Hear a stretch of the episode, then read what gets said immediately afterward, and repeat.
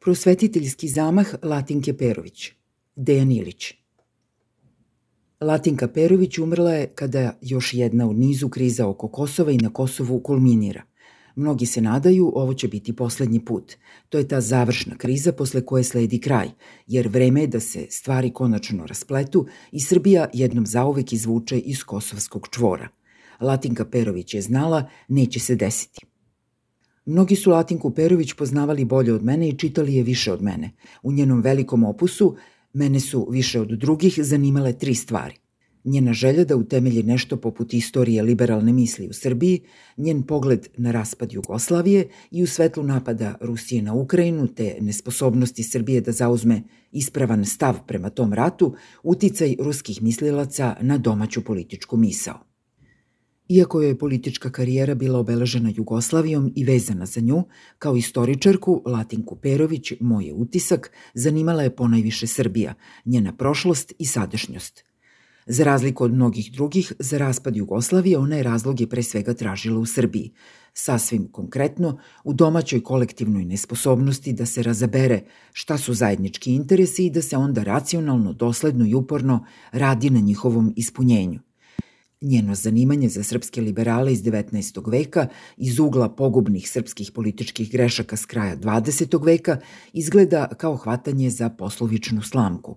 U liberalnoj misli, verujem, videla je Latinka Perović ključnu smernicu za Srbiju. Ako bi se moglo pokazati da ta misao ima svoje korene u samoj Srbiji, da nije neka veštačka izraslina koja se želi nakalemiti na autohtono kolektivističko srpsko političko telo, onda bi se ona mogla predstaviti ne samo kao legitimna, nego i kao punopravna politička opcija spram svih onih drugih, kolektivističkih, narodnjaštvo, dogmatski socijalizam i nacionalizam, što u kontinuitetu decenijama dominiraju u domaćem političkom polju. Koliko god da je želja bila plemenita, sama prošlost bila je izrazito surova – a Latinka Perović je nije ulepšavala niti krivotvorila. Sudbine srpskih liberala u 19. veku bile su mahom tragične, a takvi su i danas izgledi da jedna liberalna politička opcija može ovde da se nosi s kolektivističkim političkim zanosima. S tim u vezi je razumevanje raspada Jugoslavije, kako sam ja razumeo da ga Latinka Perović predstavlja.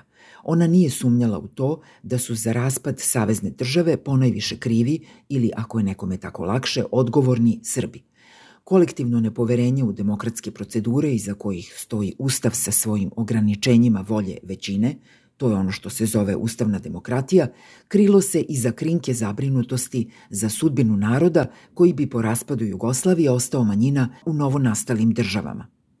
Kao da su se Srbi bojali da će se drugi prema srpskoj manjini ponašati kao što su oni, dakle sami Srbi, planirali da se ponašaju prema manjinama u Srbiji.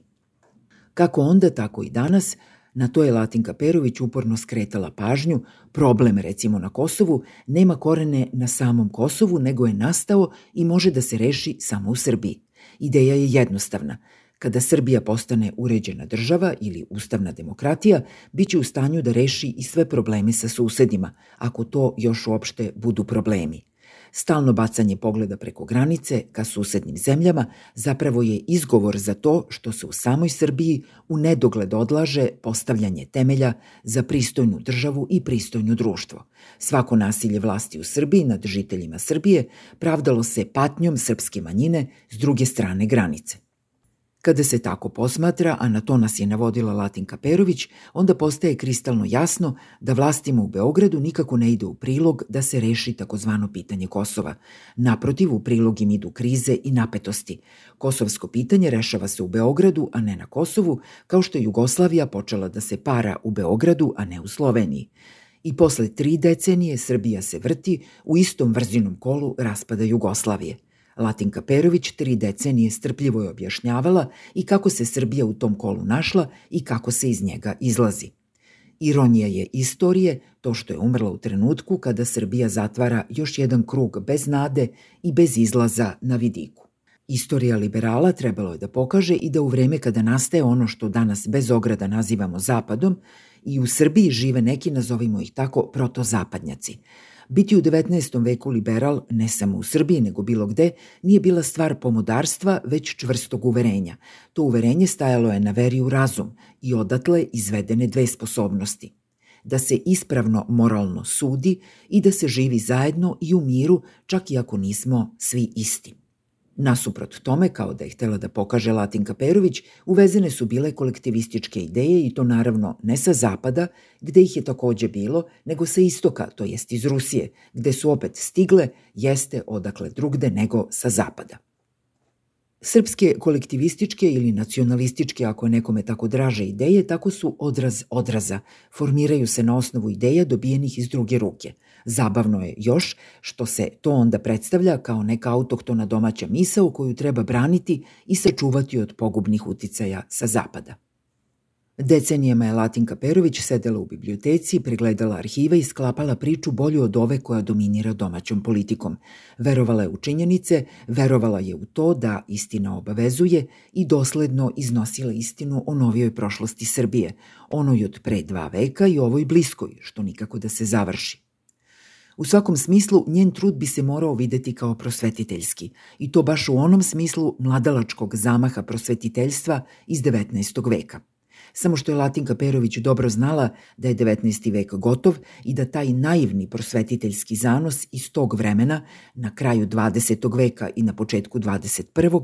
mora izgledati pomalo i groteskno – Otuda dvostrukost u tonu njenog pisanja.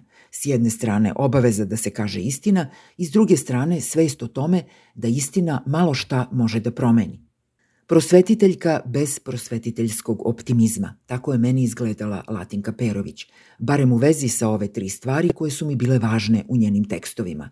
Hrabrost istine, moglo bi se i tako opisati to što je radila. Govoriti istinu i kada znaš da gotovo niko ne želi da je čuje.